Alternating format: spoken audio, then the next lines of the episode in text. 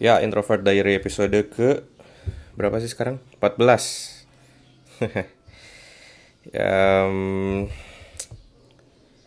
kali ini gue rekaman pagi-pagi, tidak di malam-malam seperti biasanya karena gila semalaman tuh capek banget lah.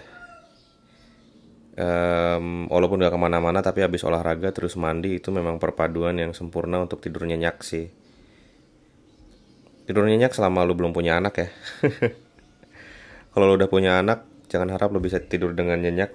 Jangan harap lo bisa tidur full sampai jam 5 pagi atau misalkan lo bisa ekstra tidur sampai jam 9 pagi, jangan harap begitu dah. Kalau sudah punya bayi ya. Jadi pikir-pikir lagi aja kalau lo pengen nikah ya. Punya anak tuh nggak selalu menyenangkan cuy. Lo harus pikirin aspek terburuknya juga. Orang-orang tuh mikirnya kalau udah nikah tuh hidupnya bahagia, punya anak, punya rumah, punya mobil ya emang lo emangnya lo punya duit sebanyak itu? Emangnya lo punya mental sekuat itu untuk ngurus anak? Apalagi untuk ngurus istri juga lo. Banyak banyak kejadian-kejadian pasangan yang uh, setelah nikah katanya cowoknya jadi temperamental jadi KDRT apalah itu. Ya balik lagi lo siap nggak untuk menghadapi semua itu? Kalau gue sih um, kebetulan gue nikah di umur 29 tahun jadi harusnya gue udah siap ya sebenarnya waktu itu gue belum belum siap punya anak juga. Ini punya anak juga kebetulan aja gue dikasih kecelakaan di dalam pernikahan cuy. Ya tapi mau tidak mau harus siap lah. Ya kadang-kadang suka marah kadang-kadang emosi naik gitu. Tapi untungnya gue punya istri yang sangat penyabar. Nah nggak aja di ngomongin pernikahan padahal gue mau ngebahas yang lain hari ini. Ya dikit lah ya. Nah jadi buat lo yang mikir-mikir lo gue gue udah pantas nggak ya buat nikah buat apa pun itulah ya lu pikir-pikir lagi dah. Nikah tuh nggak selalu menyenangkan coy. Menyenangkan nikah yang menyenangkan tuh hanya ada di fantasi lu aja. Kecuali lu anak orang kaya ya yang rumahnya udah punya eh, perusahaan udah ikut ke perusahaan bapaknya sendiri atau memiliki perusahaan turun temurun atau lu punya pekerjaan atau founder suatu perusahaan mungkin lu oke okay, udah siap. Cuman ya itu cobaan seorang orang kaya itu seorang orang kaya. Cobaan orang-orang kaya itu adalah pada saat dia memilih perempuan, mungkin perempuan yang lo pilih hanya suka dengan harta lo aja. Nah itu agak susah sih. Tapi kalau lo jadi orang miskin, lo akan mendapatkan perempuan yang tulus, coy. Terus katanya, eh, temukanlah perempuan yang sama-sama struggle dari bawah gitu. Jadi dari kita miskin sampai kayak itu dia sama-sama kita terus ya nggak gitu juga. Mungkin ketika lu fokus men mengejar karir perempuan akan menghambat lu. Atau mungkin sebenarnya perempuan yang nemenin lu dari mulai dari miskin sampai kaya itu sebenarnya dia itu menghambat lu. Cuman lu pasak, paksakan aja. Lu uh, capek dua kali lipat ngurus istri lu yang merengek-rengek terus eh istri lagi. Ya pasangan lu yang merengek-rengek terus dan lu harus fokus juga untuk mengembangkan perusahaan lu gitu Terus ketika lu tinggalin dia di saat lu sukses dia akan ngomel-ngomel dulu aja waktu susahnya sama gua. Sekarang udah sukses sama cewek lain. Ya padahal si cewek itu ketika miskin nyusahin juga. Kadang-kadang orang tuh suka nggak tahu posisinya sendiri dah. Hah. Lu nonton YouTube gak sih akhir-akhir ini? Uh, eh, gue tuh sebenarnya nggak mau bahas-bahas soal apa yang happening gitu ya. Mungkin ya juga udah kelewat sih trennya. Gue tuh sangat terganggu dengan konten kreator yang membuat uh, video. Kemarin tuh yang paling baru tuh ngejailin ojek online ya kalau nggak salah. Yang dia tuh dijailin di cancel udah udah beli kepiting ya mahal-mahal gitu. Atau beli apalah gitu makanan yang mahal. Terus di cancel abis di cancel terus dia dikasih surprise duit gede banget.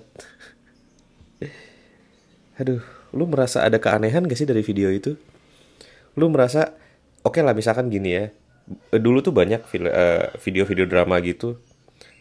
Uh, bullshit bullshit menolong orang miskin gitu. Padahal kebutuhannya untuk konten dirinya sendiri. Untuk rating dirinya sendiri gitu. Lu dulu kan suka nonton ya kayak uh, uang kaget atau tukar nasib seperti itulah.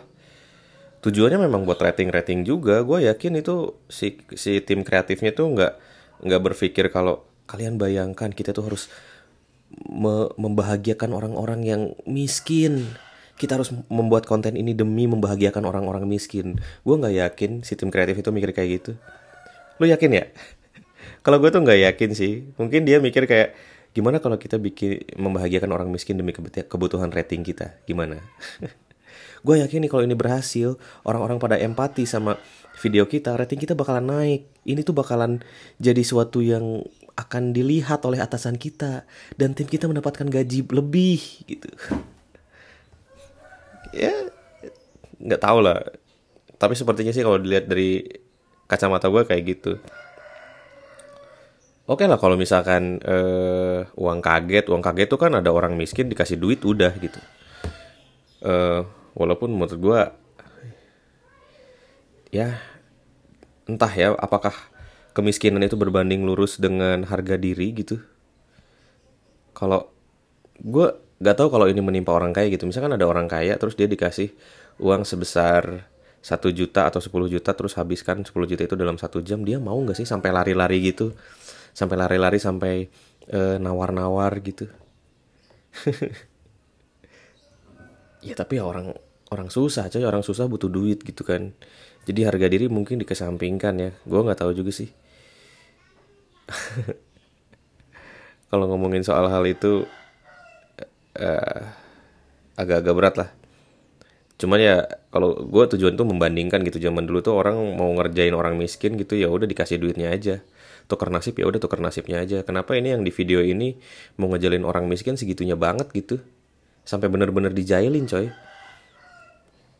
Yang di mana walaupun tujuannya untuk rating gitu ya TV-TV lain waktu dulu di TV gitu ketika mereka tujuannya ingin membahagiakan orang miskin udah bahagiakan saja nggak ada dijailin nggak ada disakitin gitu. Ini kenapa harus dijailin aja dan aduh gue tuh sebel banget lihat muka hostnya coy. Mukanya tuh gue pengen nampol banget mukanya anjing. Gendut terus ngomongnya kayak gitu anjing gue pengen nampol banget lah itu. Itu adalah representasi paling sempurna untuk orang yang yang disiksa anjing asli gue pengen nampol banget sih hostnya dulu gue punya temen uh, uh, dia tuh mukanya gendut oh tembem gitu terus mukanya nyebelin lah agak-agak sipit gitu gue pengen nampol lah serius. Dan itu tuh ada di muka host uh, youtuber tersebut gitu konten kreator tersebut anjing. Dia tuh bilang kayak uh, uh, kita ini ingin berbuat baik jadi subscribe terus untuk apa kelangsungan video ini ya tai lah. Dia ngasih duit besar ke ojek online juga demi konten dan um, duitnya juga dari konten gitu. Kalau misalkan lu bener-bener pengen nolong orang miskin udah video lu jangan dimonetize. Aduh dan dan gue yang anehnya tuh ada yang nonton gitu loh. Sebenarnya orang-orang yang nonton video kayak gitu tuh denger podcast ini juga nggak ya? Kayak gue nggak tahu ya uh, kalau gue sih biasa denger podcast podcast yang seru kayak misalkan podcast awal minggu terus podcastnya si Gilang yang biar lega terus Postinor podcast ngomongin orang. Banyak lah beberapa podcast yang jadikan gue referensi gitu. Gue nggak nonton film-film kayak gitu apa video-video kayak gitu. Gue juga gak nonton pagi-pagi pasti happy gitu. Nah apakah orang-orang yang suka menonton video sampah seperti itu video-video drama seperti itu mereka tuh suka dengerin podcast-podcast yang berguna gak sih buat hidupnya mereka gitu? Atau hidupnya mereka tuh dihabiskan untuk nonton film eh nonton video pagi-pagi pasti happy terus sinetron sinetron ganteng-ganteng serigala yang kayak gitu gitulah oh, udah nggak zaman ya ganteng-ganteng serigala. Apakah gue sepertinya sih mungkin mereka yang doyan nonton acara-acara drama kayak gitu mereka sukanya nonton film-film pembohongan gitu acara-acara pembohongan gitu pagi-pagi pasti happy inbox sudah nggak ada gue nggak tahu. Apalah gue tahunya cuma itu doang. Karena ibu gue nonton gitu. Atau ibu gue lagi yang suka nonton kayak gitu kan aduh anjis itu uh, janganlah kalau misalkan lu dengerin podcast ini ya. Mulai sekarang atau misalkan kemarin lu nonton video YouTube tersebut, udahlah. Si konten kreator itu jangan pernah lu tonton lagi unsubscribe atau blokir atau apalah itu. Janganlah coy. Jangan dibiasakan lah ngejalin orang kayak gitu, gue nggak suka banget. Maksud gue tuh kalau pengen nolongin orang ya udah tolongin aja, kasih duit aja gitu. Kalau gitu sih nggak apa-apa. Ini kayak ah, sampah banget dah. Coy, orang miskin tuh jangan dibikin susah lagi hidupnya coy. Hidupnya udah susah coy ini dibikin susah lagi ya itu si bapak itu tuh pasti nangis tuh setiap hari coy si bapak ojek itu tuh nangis tuh setiap hari coy sekarang dijalin kayak gitu itu nggak punya hati sih menurut gue sih aneh-aneh banget. Terus istri gue nih yang kemarin ngasih lihat ya. Ada ada surprise birthday untuk bayi anjing. Lu bayangin ada bayi lagi tidur ya mungkin sekitar umur entah satu tahun tiga tahunan gitu ya. Lagi tidur nyenyak banget dibangunin. Terus ada surprise. Happy birthday to you terus anak itu nangis ya iyalah mana dia ngerti soal surprise ulang tahun anjing. Ini orang tuanya otaknya di mana sih anjing gue tuh melihat melihat video itu tuh aduh anjing pengen ketawa dah. Iya ulang tahun tuh identik dengan surprise iya.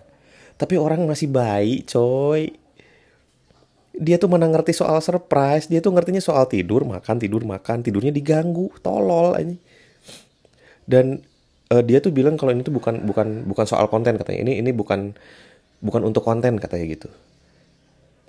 Di samping itu ternyata si istrinya ini si sang ibu ini adalah seorang entah dokter bayi entah bidan atau apalah gitu ya pokoknya dia tuh expert soal bayi lah gitu expert soal anak gitu Nah, ini kan dua hal yang tidak sebanding gitu ya. Dia bilang bukan untuk konten, tapi di sisi lain si ibu ini expert soal bayi. Ya sudah jelas itu untuk konten dong. Kecuali kalau kedua orang tua ini nggak tahu apa-apa soal bayi, terus dia ngevideoin buat dirinya sendiri, mungkin itu masuk akal. Tapi ini si ibu ini tahu ini tuh bayi itu apa expert soal bayi gitu. Dan di videoin itu untuk konten ah sampah lah. Dan banyak yang nonton coy. Dan entah ya mungkin respon manusia tuh mungkin logikanya sama seperti ketika ada kecelakaan terus lu lewat orang-orang tuh pada ngeliat gitu ada hal yang terjadi di antara kita nih di antara umat manusia dan itu tuh tidak wajar maka itu akan menjadi pusat perhatian mungkin formulanya seperti itu ya jadi orang-orang tuh berusaha untuk membuat video yang di luar akal sehat mereka biar kita mau memperhatikan itu biar menjadi pusat perhatian umat manusia gitu loh Ya kan sama seperti misalkan di tol macet. Lagi macet. Ternyata macetnya itu adalah karena ada yang kecelakaan. Padahal kecelakaannya di pinggir coy. Teng tengahnya itu nggak ada coy. Macetnya itu gara-gara orang pada ngeliatin kecelakaan tersebut. Kecelak kita kan jarang melihat orang yang kecelakaan ya. Artinya itu hal yang di luar akal sehat kita kan. Hal yang jarang terjadi di kehidupan sehari-hari kita. Jadi pusat perhatian. Nah mungkin itu yang menjadi formula. Dan ini sebenarnya ini efek dari kebebasan sih efek dari kebebasan mengakses informasi sehingga orang-orang bodoh tuh wah gue nggak tahu ini mereka tuh disebutnya orang bodoh atau orang pinter ya kalau dibilang bodoh nggak juga mereka tahu formulanya. Mereka dengan formula seperti ini bisa menggapai ketenaran gitu bisa menggapai keviralan gitu kan. Tapi dibilang oh, tapi mungkin aja bodoh. Mungkin mereka tidak tahu. Gue bingung juga sih. Iya itu bisa jadi formula coy. Lo coba aja lah bikin video bunuh diri kali. Lu gantung diri terus di video. Gue yakin itu jadi pusat perhatian coy. Kan itu hal yang di luar akal sehat. Kan hal-hal yang di luar, di luar akal sehat tuh menjadi pusat perhatian menjadi viral gitu. Jangan jangan dilakukan ya. Kecuali lu memang gila karena itu hal di luar akal sehat. Ya uh, jadi orang tuh jadi sebenarnya orang tuh dulu tuh ya dulu ya ngebandingin zaman dulu ya. Dulu tuh orang tenar itu karena mereka ingin berkarya gitu mereka ingin berprestasi gitu. Kayak um, pemain-pemain band zaman dulu tuh mereka ingin masuk recording label aja susahnya minta ampun gitu. Dan suatu saat mereka jadi viral kayak si Lawn Seven. Mereka ya dianggapnya viral kan ya albumnya ya. Albumnya itu menjadi salah satu album terbaik di tahunnya gitu. Sampai sekarang pun gue masih suka sama si Lawn Seven. Dan itu karena karya gitu bukan karena melakukan hal yang di luar akal sehat seperti sekarang gitu. Jatuhnya zaman sekarang tuh orang-orang tuh ingin tenar aja bukan ingin berkarya gitu. Nah itu yang yang berbahaya. Yang berbahaya tuh itu. Dulu uh, Nurman Kamaru seorang polisi joget India di videoin terus dia melepas posisinya sebagai polisi udah tamat karirnya. Karena dia tuh nggak punya talent apa pun coy. Nyanyi juga suaranya biasa aja. Joget juga ya segitu-gitu aja jogetnya sayang banget gitu. Itu terbukti kalau memang orang tuh ingin tenar aja gitu. Seperti yang dilakukan oleh youtuber-youtuber sekarang mereka tuh melakukan prank ya untuk kebutuhan duit dan ketenaran gitu. Ket oh, menurut gue sih sepertinya tujuan awalnya ketenaran sih. Hasil akhirnya duit. Gitu loh. Gila zaman sekarang tuh dulu tuh orang tuh informasi kita tuh terbatas tapi dengan keterbatasan itu kita menjadi jadi menggali informasi mana saja yang penting untuk kita gitu. Ada filter, ada filterisasi konten apa aja yang harus kita akses. Makanya orang-orang zaman dulu tuh nggak sebodoh orang-orang zaman sekarang gitu. Entah dulu tuh masih banyak orang bodohnya tapi tidak tidak masuk ke tidak naik ke permukaan sih orang bodohnya tuh. Entah mungkin orang bodohnya sedikit. Nah, sekarang tuh orang bodoh bisa mengakses internet, bisa memanipulasi, bisa mengupload uh, apa sih um, apa yang dia mau ke internet lah gitu. Bisa bisa menjadi tenar gitulah ya. Um, pada akhirnya orang bo orang bodoh tuh terlihat banyak gitu. Terus ada yang uh, perempuan siapa sih? Yang make up make up yang yang yang apa sih? Make up artis yang lagi viral tuh siapa ya? Bentar uh, aduh lupa lagi gue namanya. Pokoknya yang pendek gendut giginya tonggos.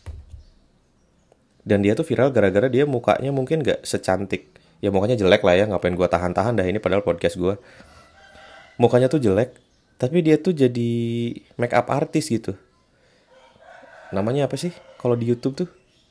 Ya make up artis YouTube kreator gitu mungkin.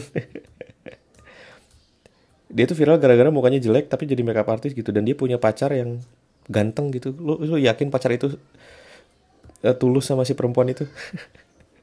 Soalnya ganteng loh aja eh ngapain gue ngomongin itu ya? Tujuan gue apa ya? Ya maksudnya gitu. Orang-orang jadi viral tuh bisa dengan mudah gitu. Dibandingkan zaman dulu tapi bukan berarti gue setuju balik lagi ke zamannya Soeharto ya tolong digarisbawahi dan podcast ini tuh tidak ada hubungannya dengan kepentingan politik apa pun ya teman-teman. Gue nggak akan pernah bahas soal politik di sini. Suatu saat nanti bakal ada pemilihan presiden, ya syukur-syukur podcast ini masih bertahan ya. Kalau masih bertahan, gue nggak akan pernah ikutan ngomongin soal politik. ya, ya maksudnya begitu banyak lah konten kreator yang uh, aneh dan dan lu pada nonton gitu loh banyak yang subscribe. Dengan Atta Halilintar punya subscriber 11 juta belasan juta aja menurut gue itu sudah sudah suatu bukti kalau di negara kita itu banyak orang bodohnya gitu. Dibandingkan mungkin Nat Geo nah, Nat Geo gede sih. Kayak YouTube YouTube-nya uh, apa ya yang gue juga jarang lihat YouTube yang coba gue lihat uh, gue subscribe siapa aja. Um, subscription.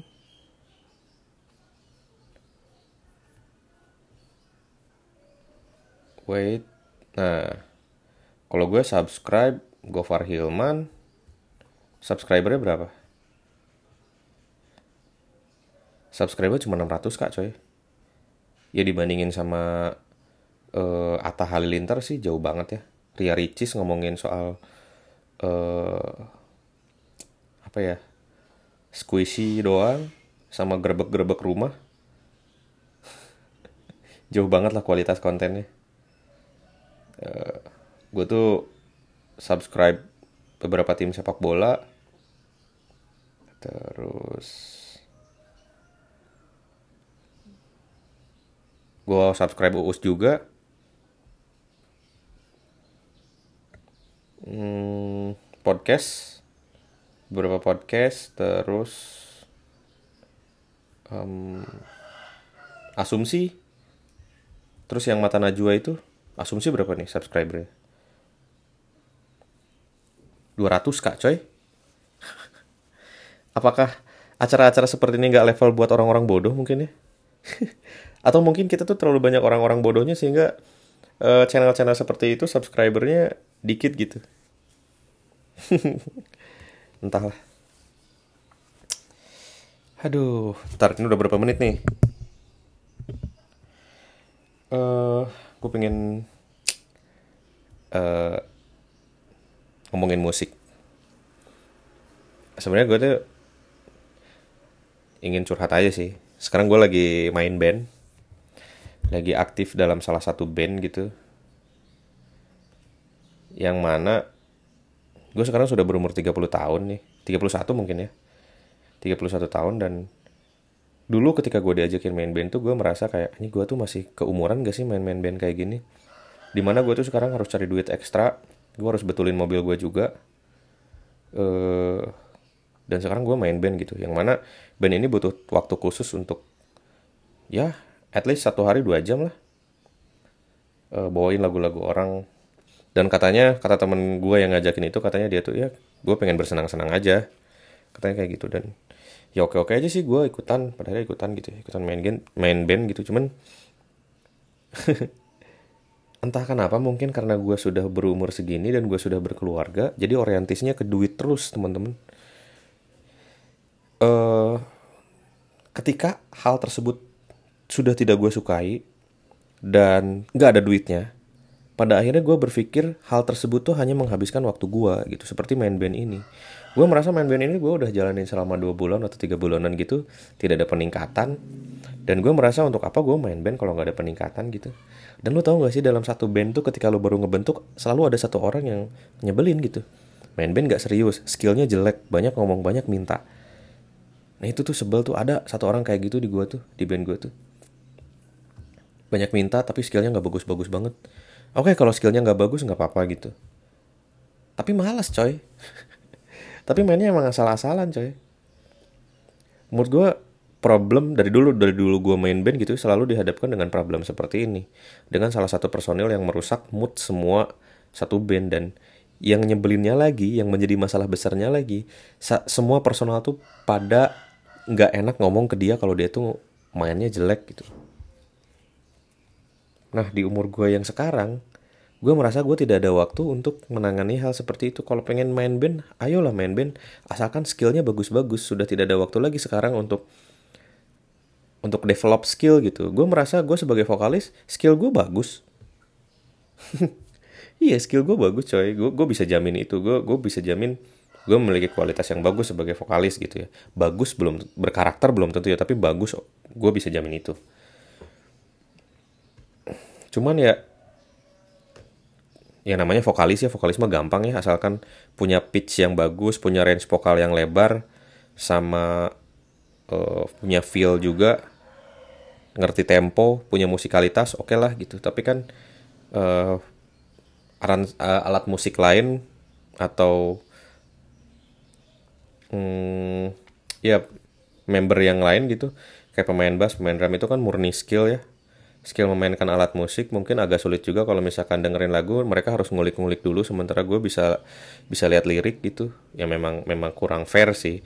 Kalau kalau kalau untuk kalau dihitung kesulitannya gitu ya. Cuman uh, skill menurut gue skill tuh penting. Kalau misalkan di umur gue yang sekarang tuh gue tuh seharusnya bermain band dengan orang-orang yang punya skill gitu orang-orang yang jago yang main gitarnya jago yang main alat musiknya jago lah gitu. Bukan bukan waktunya lagi ngedevelop skill gitu. Di umur yang sekarang tuh ya seharusnya udah waktunya mendevelop lagu gitu kan. Berkarya lah gitu. Yang pada akhirnya gue tuh sebenarnya punya lagu gue tuh disuruh bikin lagu sama mereka. Tapi gue nggak yakin kalau gue punya lagu bagus gue nggak yakin gua, lagu ini untuk mereka gitu loh. Karena ya ada satu orang itu ya gitulah deh problematika main band. Apalagi kalau misalkan band lu ada ceweknya tuh ceweknya cakep lagi. Wah cobaan yang sangat berat. Ketika band lu salah satu member band lu menjalin menjalin hubungan satu sama lain yang serius pacaran lah gitu ya.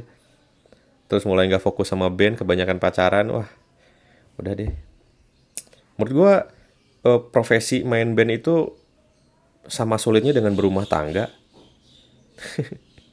bedanya rumah tangga tuh cobaannya itu adalah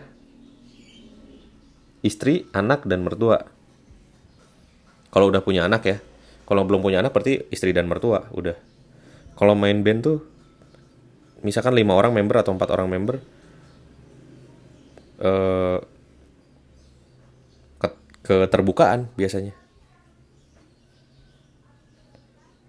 Jadi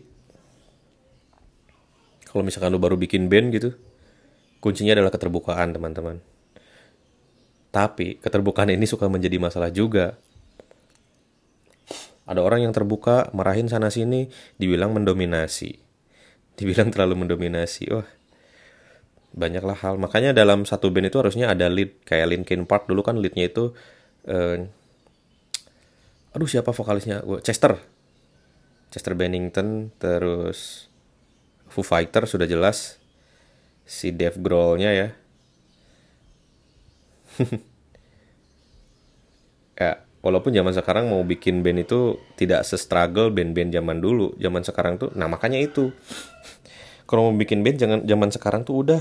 Yang skillnya bagus-bagus bikin lagu upload ke YouTube. Kalau nggak upload ke YouTube ke Spotify ke mana lah gitulah. Live recording aja udah kalau nggak live recording ya record aja lah karya lu upload ke sosial media kalau lagu lagu lu bagus udah didengerin sama banyak orang gitu tentunya dengan dengan beberapa kenalan ya. Kalau lu punya kenalan artis, lu bisa minta retweet dia, minta minta numpang promoin ke dia gitu. Kalau lu punya kenal, balik lagi networking itu menjadi salah satu parameter juga. Cuman dengan adanya sosial media, si networking ini bisa difasilitasi gitu, bisa lebih difasilitasi dengan adanya YouTube, dengan adanya Spotify gitu, dengan adanya Instagram. yang soalnya gue sebel banget sama artis-artis zaman sekarang yang effortless gitu loh. Yang sepertinya tidak se-struggle artis-artis zaman dulu. Waktu dulu tuh gue ingat banget ada Viera. Viera itu kan uh, si Kevin Viera itu anaknya siapa sih Kevin Viera ini gue gue Google Kevin Viera yang muncul Kevin Viera utang. Emangnya dia punya utang ya? Adi MS, dia anaknya Adi MS sama Memes gitu. Sudah jelas dia effortless. Dia sudah punya networking yang bagus, networking itu adalah ayahnya ya udah. Ayahnya mungkin punya kenalan label, dia punya kredibilitas yang bagus dari label itu. Si anaknya ini tinggal bikin karya aja. Ya makanya kan karyanya sampah-sampah kan. karena tidak se-struggle band-band zaman dulu band-band zaman dulu tuh kalau bikin lagu tuh sebagus mungkin biar si label itu bisa menerima gitu kalau lagu ini tuh bisa bisa menjadi lagu yang menghasilkan duit buat label tersebut tapi band-band anak-anak artis ini lagunya ya sampah-sampah men sama si uh, Widi Vieranya Widi Kidio sama si Widi Vieranya katanya dulu kan jelek banget ya suaranya falas terus. Terus katanya sekarang Widi Viera suaranya udah bagus. Gue denger denger kan sering cover yang mereka di YouTube nggak bagus bagus juga. Ya bisa nyanyi sih tapi nggak bagus gitu. Karena gue tuh berekspektasi anak seorang ADMS komposer terkenal karyanya seperti itu coy dari liriknya juga jangan pergi pergi lagi eh, aku tak mau Kau bohong, apaan lirik macam apa itu? Zaman dulu tuh liriknya uh, ini apa? Bagus-bagus coy, kayak kemarin kulihat awan membentuk wajahmu. Anjing bagus banget itu lirik. Ini kayak Katanya pergi sebentar, ternyata lama. Aduh, hanya lucu banget liriknya coy. Anak seorang komposer terkenal loh liriknya kayak gitu loh. Terus Arsi Widianto. Coba gue google dulu Arsi Widianto.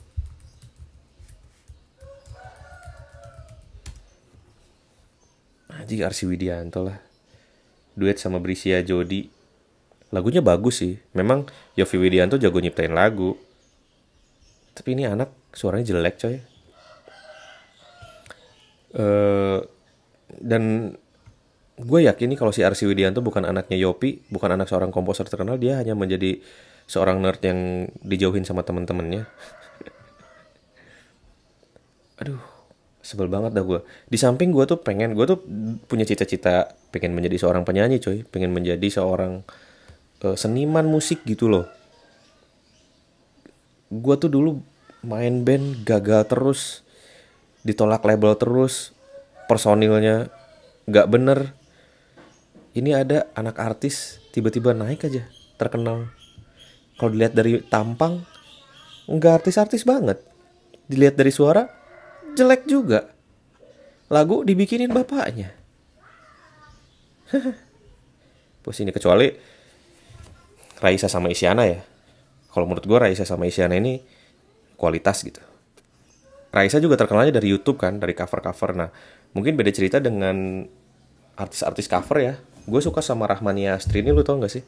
Lu cek aja Instagramnya. Suaranya memang bagus terus Raisa juga bagus suaranya. Jelas lah Raisa gitu ya. Salah satu calon diva juga. Um, menurut gue eh, yang suka cover-cover musik di Instagram tuh memang ada beberapa yang berkualitas sih. Uh, eh, gue akui itu gitu. Berbeda dengan anak-anak artis ya. Ada juga anak artis yang kayaknya anaknya Andre Hanusa si Teddy Aditya tuh bagus itu juga karena gue lihat sepertinya dia tidak mengganda, dia tidak mengandalkan popularitas bapaknya. Terus Adera juga anaknya Ebit GAD tidak mengandalkan popularitas bapaknya. Dia berawal dari YouTube dan memang skillnya bagus kemampuan bermusiknya bagus banget. Main gitarnya jago banget. Main nyiptain lagunya juga bagus juga. Walaupun dia dimudahkan dengan networking yang mungkin sudah kenal dengan beberapa musisi-musisi yang dikenal oleh bapaknya. Sama seperti tadi Aditya juga mungkin dari networking dimudahkan karena mereka dari kalangan musisi gitu loh. Tapi gue melihat ada perjuangan di situ sampai ke titik sekarang. Dan mereka kan mainnya di ranah indie kan. Kecuali Adera ya mungkin Adera masuk uh, label yang komersil gitu ya. Kalau si tadi Aditya kan masuknya di ranah indie dan gue sangat respect sih. Memilih untuk musik indie yang sesuai dengan apa yang dia inginkan gitu lagunya. Terus juga Petra. Lu lu tau gak sih lagu barunya yang biji? Menurut gue itu bagus sih. Enggak bagus banget enggak enggak bukan tipikal lagu yang gue dengarkan berkali-kali tapi mm, dari jenis musiknya easy listening. Cuman gue terganggu sama judulnya aja biji. Padahal liriknya itu bukan soal biji gitu. Liriknya itu soal soal dunia maya soal netizen gitu.